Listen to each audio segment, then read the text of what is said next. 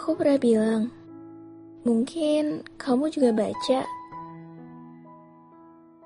I've been through a lot of stupid things that now makes me realize that I don't need you to find my happiness.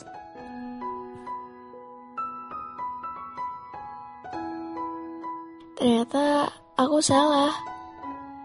Salah banget. Bukan seperti itu cara menafsirkan setiap rasa. Pernah terbesit untuk berhenti melakukan hal-hal gila lagi. Berhenti bercerita tentang Rani Denta. Berhenti bercerita dengan merekam suara. Tapi kalau bisa bikin aku tumbuh, kenapa enggak? Kalaupun nanti bukan kamu orang yang akan menemani, ya aku nggak akan menyesal aku udah dapat banyak hal. Dari belajar banyak tentang nulis, belajar percaya diri dengan setiap gagasan, dan belajar merelakan. Meski aku harus terus mencintai seseorang yang hanya bisa aku buat ceritanya. Tanpa bisa aku ajak membuat cerita bersama. Dalam keheningan, aku pernah mendengarmu berbicara. Mungkin ini hanya pikiranku sendiri, atau entahlah. Aku mendengar pesanmu bahwa katamu, aku tidak mencintai diriku sendiri karena terlalu sibuk merelakan apa-apa yang seharusnya untukku. Andai kau tahu,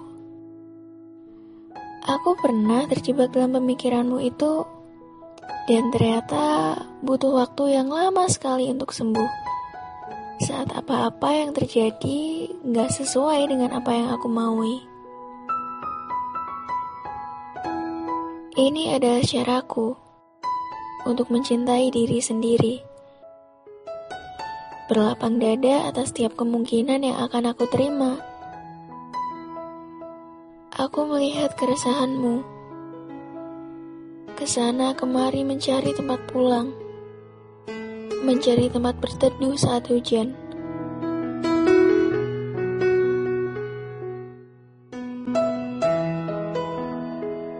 Kembalilah pulang pada yang semula menantimu pulang. Meneduhlah pada yang menurutmu pantas menyediakan rumah. Tapi, ya, aku cuma manusia biasa yang jujur juga masih berharap kalau orang itu adalah aku. Rumit ya?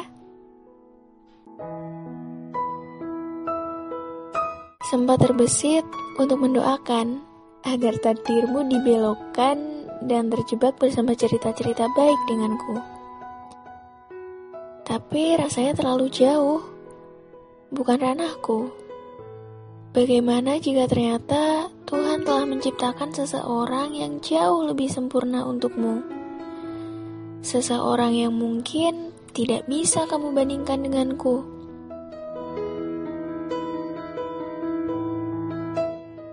Pada akhirnya, aku hanya bisa mendoakan agar Tuhan selalu menyayangimu, mempertemukanmu dengan orang-orang baik.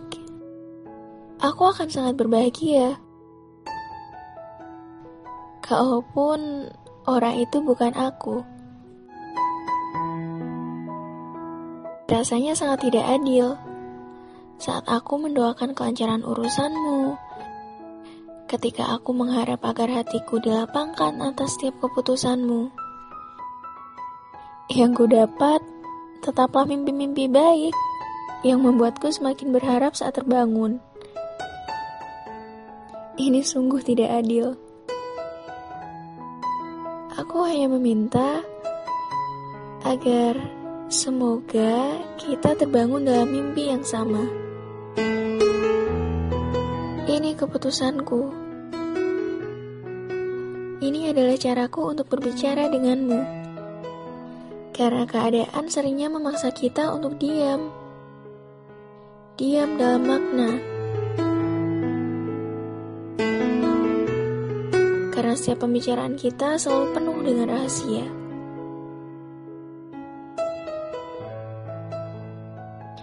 Bukannya setiap cerita ada masanya. Dan sepertinya malam ini akan mengantarkanmu dan hari ini pada hari kemarin. Kita tak pernah sampai pada masa depan, bukan? Karena sejatinya kau juga hanya pernah melewati hari ini dan masa lalu. Kita emang gak pernah tahu ke mana roda kehidupan akan membawa kita berjalan pada setiap keputusan yang kita ambil.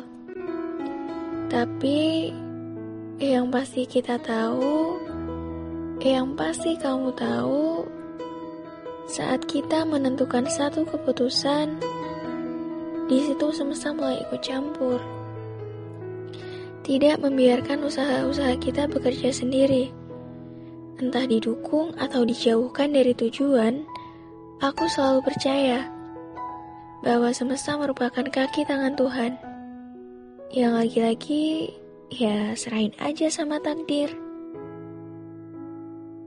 Tapi aku masih punya satu harapan. Untukmu, untuk malam ini, khusus hari ini. Bantu aku ya untuk menemukan akhir yang lebih indah. Meski kita juga nggak pernah tahu akhirnya bakal kayak gimana. Setidaknya kita pernah mencoba. Sampai jumpa.